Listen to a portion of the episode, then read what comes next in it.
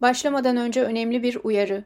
Suriyeliler Podcast serisinin bu bölümü bazı dinleyicileri olumsuz etkileyebilecek aşırı şiddet anlatıları içeriyor. Nur geçen bölümde Suriye'de yaşananları anlattıktan sonra ben bir an önce bu hikayenin Türkiye kısmına geçmeye çalışırken sen dur dedin.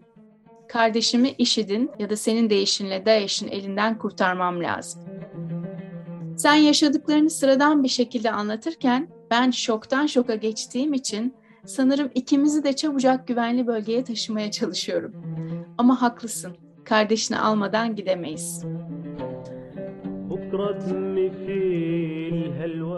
Geçen defa konuştuğumuzda Türkiye'ye kaçtığını ama mülteci kampında kalmaya ancak 3 hafta dayanabildiğini ve daha sonra Suriye'ye geri dönmek için dilekçe verdiğini anlatmıştın. Suriye'ye döndükten sonra sınır tanımayan doktorlar MSF ile çalıştığın sırada kardeşinin Ürdün'den yanına gelmeye çalışırken yanlışlıkla IŞİD kontrolündeki bölgeye girdiğini, IŞİD tarafından tutuklandığını söylemiştin. Sonrasını senden dinleyelim. O zamanlarda ben sınırın bölgesindeydim. Özgür Suriye Ördüsü'nün kontrol e, altında ve diğer tarafta PKK var. DAEŞ'in bölgesine gitmek ne kadar riskli olduğunu çok farkındaydım. Çünkü vakalar oradan geliyordu. Ne tür şeyler olduğunu da biliyordum. İşkenceler. Ona rağmen evet ona rağmen gittim. Benim gibi bir sürü insanlar vardı. Bir sürü kadınlar birini eşini arıyor, diğeri çocuğu arıyor, diğeri kardeşini benim gibi beklerken herkes bana diyordu ki alamazsın, hiçbir haber biri alamazsın. Bir burada aylardır gelip soruyoruz. Bazıları da alınıyordu. Onlar da hapse atılıyordu. Haps derken haps değil daha doğrusu. Böyle bilmediğimiz bir yere gidiyorlar. Ölüme mi, işkenceye mi, böyle çok derin bir çukura mı atılmaya mı, hayvanlara mı atılacak hiç kimse bilmiyordu. Bunlar sadece o zamanlar vakalarımdan bildiğim şeyler ve hayal etmediğim bile şeyler. Ve gerçekten gerçeği görmeyince hep insanlar abartıyor diye düşünüyordum. İlk günüm böyle geçti. Sıralarda beklerken oradan Peki. buraya git. Peki sana eşyaları getiren kadın kimdi? Kardeşin onunla ne zaman, nerede karşılaşmış? Kardeşim Türkiye'den Suriye'ye girdiğinde küçük bir otobüse binmiş benim bölgeme gelmek için. Kadın oradaydı. O da başka bir yere gidiyordu. Kadın dedi ki kardeşin tutuklandığında ona in dediklerinde şaşırmış etrafına bakmış insanlara ve kadın fark etti ki dedi ki bak üstüne bir sigara varsa telefonun içinde bir annenin bir kardeşin biz biz kız arkadaşının fotoğrafı varsa o ölüm demek. Cezalandıracaklar seni. Ne varsa at, riskli ne varsa at. O da her şeyini attı kadının kucağına ve dedi ki bak kardeşimin adı bu. Gidersin o bölgeye onu bulacaksın ve söyleyeceksin bana aldılar haberi olsun diye. Tutuklanmadan evet. hemen önce evet. Evet kadın geldi ki dedi ki çok genç, çok yakışıklı bir kardeşin ve gerçekten çok yaşadığını fark ettim ki bilmiyor nereye geldiğini, kimin elinde kaldığını bilmiyordu ve ne için tutuklandığını da anlamadı. Peki Nur bu IŞİD ya da işte DAEŞ'liler Suriyeli mi değil mi? Biz bunları televizyonda böyle Mitsubishi'ler üstünde gelirken işte silahlarla vesaire televizyonlarda gördük. Nereden nereye geliyorlardı bilmiyorum ama böyle bir zafer havası içinde şehirlere girdiklerini televizyonlarda gördük. E, bunlar peki böyle bir ne tür binalarda, yönetim binalarında mı, evlerde mi yönetim birimleri nerede? Bir mahkeme kuruluyor mu? Yani halkla ilişki nasıl oluyor? Onu da bir genel çerçeveyi anlatabilir misin lütfen? Onlar sadece Suriyeli değiller. Çoktan kurulmuş bir sistem gibi ve oradaki çalışanlar cahil değiller. Ne yaptıklarını çok iyi biliyorlar. Bir de farklı ülkelerden gelen var. Avrupa'dan da gelenler var. Bir sürü insanlar sarışın, mavi gözlü orada çalışıyorlar. Ailece gelmişler. Erkek, eşi ve çocukları DAEŞ'in yanında çalışmak için. Ve onların motivasyonunu da anlayamadım, bilmiyordum. Yanlışlıkla mı geldiler? Bu İslam'ın devletinin yanında durmak için mi geldiler? Cihat için mi geldiler? Bilmiyorum. Kadın Ama, için mi geldiler? Dört kadın için mi geldiler? O da, o da. Bir de dört kadın değil. Orada dört kadınla evlenebilirsin imam nikahla ama köleler de var. Onlar bir sürü köleler var. Kürtlerden, Azidilerden, Araplardan, farklı farklı gruplardan köle alıyorlardı. Senin Orada mesela gittiğin yer nasıl bir yerdi? O yer zaten bir Suriye'nin bir şehriydi. O şehre girdiklerinde her yere kontrol ediyorlar. Evlere bile. İstediği evler alabiliyorlar. Evin sahibini çıkarıp o evde yerleşebilirler. Bir de devletlerin binaları, e, hastaneler, her şey onların kontrolünün altında.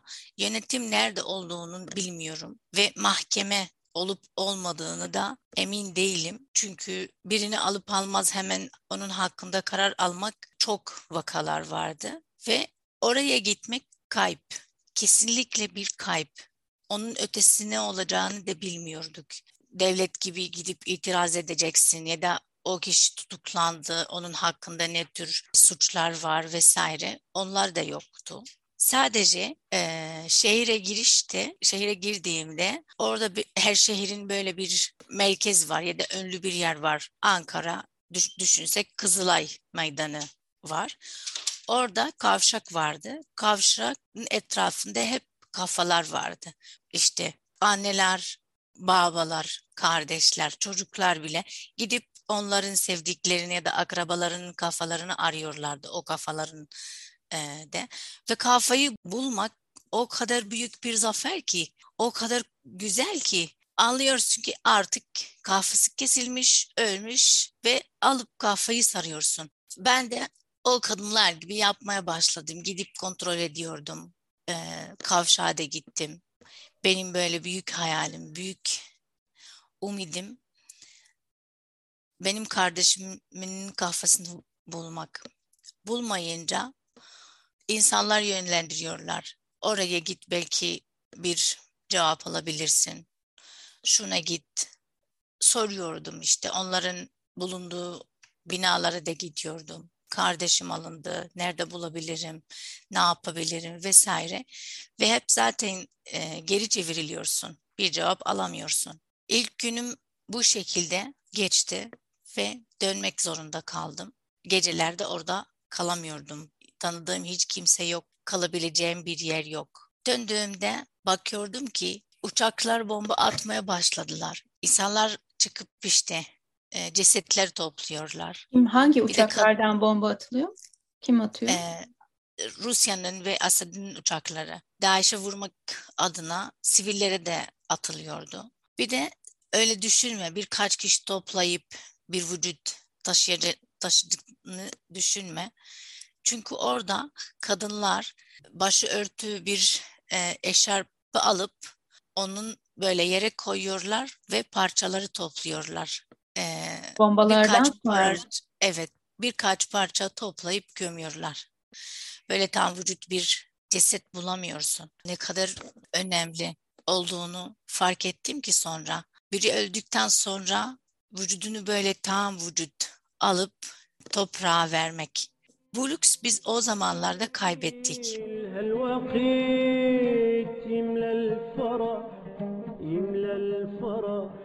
Ve oturdum. Hayalleri ve gerçekleri ayrılmaya çalışıyordum. Orada tam ortada kaldım. Benim hayal ettiğim şeyler mi yaşıyorum yoksa gerçekler mi yaşıyorum? Bir kabusun mu içinde miyim? Somut şeyler, soyut şeylerin aralarında kaldım. Ve orada kalmamak için tırnaklarımı vücuduma bastım, batırmaya çalışıyordum. Bir şeyler hissedeyim. Gerçekler nerede? Ve o zamana kadar ailemden evet çok uzak kaldım. Onların hakkında ne olup olmadığını da bilmiyordum. Ama idare edebilirdim, yaşayabilirdim. O gece yaşamak istemedim, yaşayamıyordum aklımı kaçırmayayım diyordum. Kim olduğumu da bilmiyordum. Her şeyimi her şeyimi unuttum. Sadece oraya odaklanıyordum. O büyük bir zaferi kazanmam lazım. Kardeşimin kafası bulmam lazım. Ve gidiyordum kardeşimin kafasını verin derken şunu demek istiyordum aslında. Kardeşimin kafasını kesip bana verin. En kolay, en güzel çözüm bu. Bir de düşünüyordum yani sen de güzel bir şey beklediğinde hayal ediyorsun işte nasıl olacak bir elbise aldığımızda işte üzerimizde nasıl duracak diye düşünür, düşünüyoruz ya. Ben de onu düşünüyordum. Kardeşimin gözlükleri ha, gözlükleri hala takılı mı olacak yoksa düşecek mi, kırılacak mı? Dur ya. Onu da düşünüyordum. O gece bu şekilde geçti ve hiç uyuyamadım. Yemek yiyemiyordum, su içemiyordum. Aklıma gelmiyordu. Öyle bir ihtiyacım yoktu o zaman. Sonraki gün güneş doğup doğmaz oraya gittim tekrar. İnsanlara soruyordum. Oradaki siyah ve yüzü kapatmış erkeklerin yanına koşarak gidiyordum. Sormak istiyordum. O günde ben tutuklandım. Dediler ki tek bir kadın tek başına burada ne yapıyorsun? Yanında hiç kimse yok mu? Onların kurallarına göre benim yanımda hep bir erkek olmalı. Çünkü kadın olmam yeterli değil onlara göre. Hayır dedim. Benim kardeşim vardı. O da burada. Siz aldınız. Nerede olduğunu da bilmiyordum. Ve orada birkaç saat kaldım. Ondan sonra serbest bırakıldım. O sırada şey de var. İstersen biz birini bulup evlendirebiliriz. Benim şey dedim. Sadece kardeşimi istiyorum. Peki Nur seni nasıl oldu da serbest bıraktılar yanında bir erkek olmadan? Onu şey dedim. e, Benim zaten ben kar- kardeşimle oturuyordum. Yani tek başıma bir kadın değilim burada. Ve kardeşim tutuklandı. Ben de hemen dün tutuklandı. Hemen bir eş bulup ya da bir kardeş bulup onunla çıkamam yani. Bu şekilde anlattım. Bir de benim böyle bir avantajım vardı. Uluslararası bir kurumda çalıştığım için bizim kartlarımız var. Onlar böyle kolayca bize zarar vermiyorlar. Bir tarafta, diğer tarafta Suriyeliyim. Eğer yabancı olsaydım beni alırlardı. Benim karşıma para isterlerdi. Ama Suriyeli olduğum için hiç değerim yok. Üçüncü gün oldu gittim. Orada da öyle bir ihtimalle gittim. Ben de tutuklanabilirim. Tekrar. Beni de alabilirler. Ama o zaman değil, şimdi onu söylüyorum.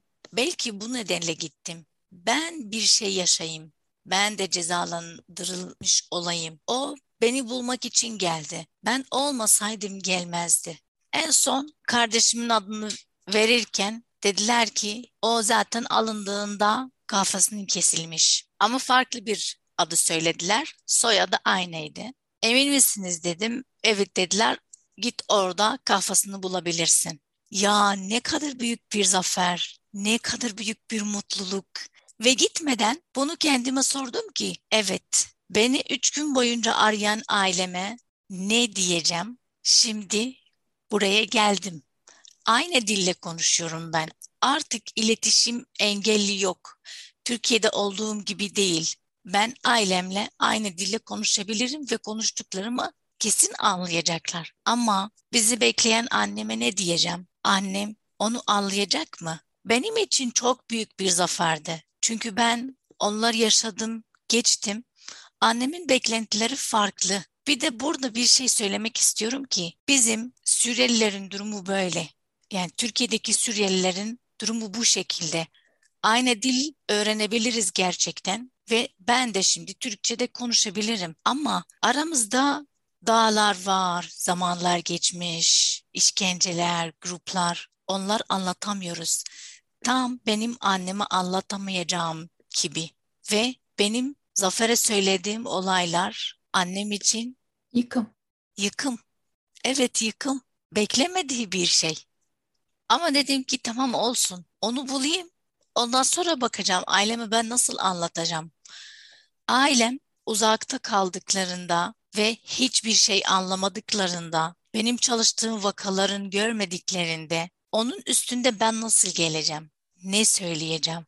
İnan ki o zaman, o anda Arapça çok geniş, çok büyük, çok derin bir dil olduğuna rağmen anlatamıyordu. Hangi harfler seçmem lazım? Nasıl anlatmam lazım? Hangi kelimelerle? Hangi dille konuşacağım? Konuşulacak bir dil yok orada. Ve böyle gittim. Baktım evet benim kuzenim orada öldürüldü ve alınıp alınmaz kafasını kesildi. Ve güneş yine batmaya başladı. Sen Döndüm. yani o aynı soyadlı kuzeninle karşılaştın. Evet. Kuzenim öldüğünü öğrendiğimde kavşağın e, etrafında atılmış öğrendiğimde yazmaya karar verdim. Notlarımı işte bugün bu tarihte, bu saatte adım Nur. Öyle bir ailem var, öyle bir ülkeden geldim. Ana dilim Arapça. Gerçeklerle bir bağ kurmaya çalışıyordum.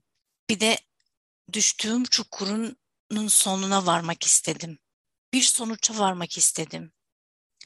Ve dedim ki demek ki tutuklanan kişi benim kardeşim değil, benim kuzenim. O kadın nasıl öğrendi kim olduğunu, nerede bulacağımı, verdiği eşyalar kardeşimden aldığını kesin. Demek ki o kadın benim kardeşime bir şey yaptı. Kesin gidip o kadını bulacağım. Bulduğumda o kadının ne yapacağım? Orada iyilik, kötülüğün savaşı başladı benim içimde. O kalp böyle küçücük bir parça içimizde onu nasıl iyi tutacağımı düşünüyordum. Ben o kadını bulsam, o kadın itiraf etsin, gerçeği söylesin, ne yapacağım? Gerçekten sadece bir anne, çok basit bir aileden gelen bir kadın olabilir. Bana doğru söyleyen bir kadın olabilir. Ama bu doğru bana yeterli gelmiyordu. O doğrudan ötesi başka bir şey arıyordum ben. Ben bir kardeşim arıyordum. Şunu hissettim ki ben bu kadını bulduğumda hiçbir şey sormadan yiyebilirim. Gerçekten yiyebilirim. Ve anladım ki biz iyi insanlar kötü insanlardan daha çok savaşıyorlar. Daha çok çabalıyorlar. Ve kendilerini tutabilmek için, bir yön seçebilmek için bayağı veriyorlar hayata, kendilerine, diğer insanlarına. Yani bu şartlarda iyi kalabilmek zaten ayrı bir test konusu herhalde. Evet. Ne yaptı bu kadın kardeşimi de? Bilmek istiyorum. Ölü mü, sağ mı? Yine de gece oldu ve döndüm. Döndüğümde evime girmek istedim de baktım kapılar kırılmış. Bıraktığım gibi değildi. Ve orada baktım ki ben yine hayaller ve gerçekler karıştırmaya başladım. Gerçek ne? Baktım orada bir biri vardı salonun ortasında Bakıyordu ben de bakıyordum. Yine emekleyerek oraya gittim. Yürümek için gücüm kalmadı. Gittim şey böyle parmaklar e, ayakların parmaklarına dokunmaya başladım. Baktım ki bir şeyler hissediyorum ama bunu benim beynim ürettiği mi şeyler yoksa benim hissetmek istediğim şeyler mi yoksa gerçek mi? Anlayamadım, bilemedim. Ama en son erkeklerin ayaklarının üstünde böyle kıllar var ya e, parmakların üstünde. Onları çekmeye başladım. Bir ses de geldi bana ve inanmak istedim. Evet burada biri var. O biri kim? Ve bir şey olsun. Bir ölüm, bir hayat, bir doğum, bir memat, bir şey olsun. Ben de bileyim ki nerede? Bir kapus içinde miyim bilmiyordum. Ama o kişi gerçek bir kişiydi ve kardeşimdi. Serbest bırakıldı. Nasıl serbest bırakıldığını bilmiyordum. O da bilmiyor. Nereye gittiğini, nereden geldiğini de bilmiyor. Bildiği tek bir şey gözlerini kapandı ve açtığında insanlara sormaya başladı. Neredeyim, bilmem ne vesaire ve insanlar o kadar alışık ki böyle bir olaylara işte DAEŞ'in tarafından serbest bırakılanlar ya da başka gruplardan serbest bırakılanlar öyle ortaya atılıyorlar ve sadece hafızasındaki şeyler kurtarabilir onu. Ve bu şekilde benim kardeşim kurtardı. Gitti insanlara sorarak sorarak eve vardı. O evde benim evim olduğunu öğrendikten sonra kapıyı kırıp içeriye girdi. Beni de bulmayınca orada bekledi. Ben de onu buldum.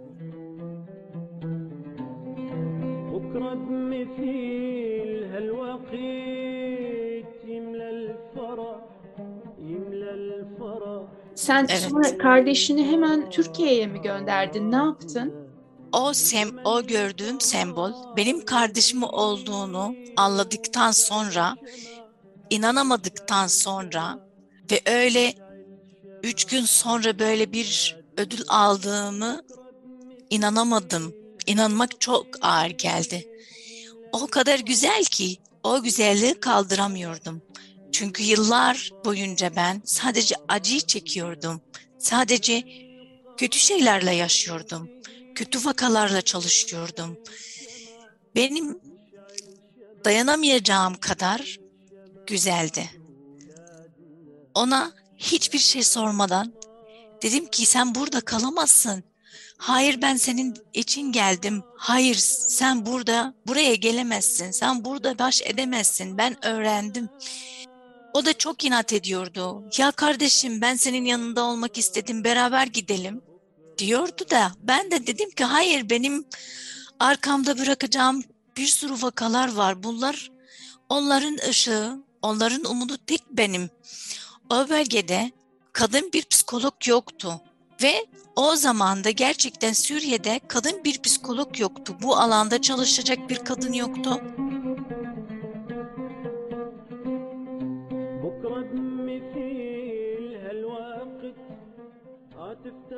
Ve o kadar böyle güzel bir inancım vardı ki kardeşim sınıra göndermek, Türkiye'ye göndermek. Dedim ki şimdi candırma kardeşimi alıp ona salatalık, yarım somun, bir domates versinler. Ona bir ceket böyle yere sürüp oturtursunlar. Güvende olsun. O anda Türkiye güvenli bir bölge olduğunu inandım ve ona dedim ki bir dakika bile burada dursan ben kendimi öldürebilirim. Öldüreceğim. Öldürebilirim değil. Ben kararım çok kesin, çok net ve bunu yapabilirim. Ve bu da ilk ölümün olmaz. evet, tamamen ilk ölümüm olmaz o. Gittik. Yine yürüyerek sınır bölgesine. Bölge, sınır da çok uzaktı. Orada zaten mine'lar var. Dedim ki bir mayın olsun patlayacak benim kardeşimin vücudundan bir parça mı kesilecek? Olsun kesilsin. Ölecekse de ne güzel. Ölsün. Yeter ki burada bu insanların elinde kalmasın.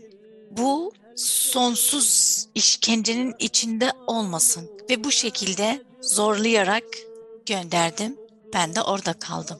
Yani Nur ben gerçekten ne diyeceğimi bilmiyorum. Bu anlattığın olaylar en kötü distopya filmlerinde bile görülmeyecek cinsten gerçekten. Yani yorum yapamıyorum açıkçası. Hatta dinlemekte bile zorluk çekiyorum. Sana ağır geliyorsa istersen durabilirim. İstersen de anlatmayabilirim. Evet, bugünlük burada duralım Nur. Suriye'de tedavi etmeye çalıştığın toplu tecavüze uğramış kadınlar ve gündüz kafa kesip gece yataklarını ıslatan çocukları bir sonraki bölüme bırakalım.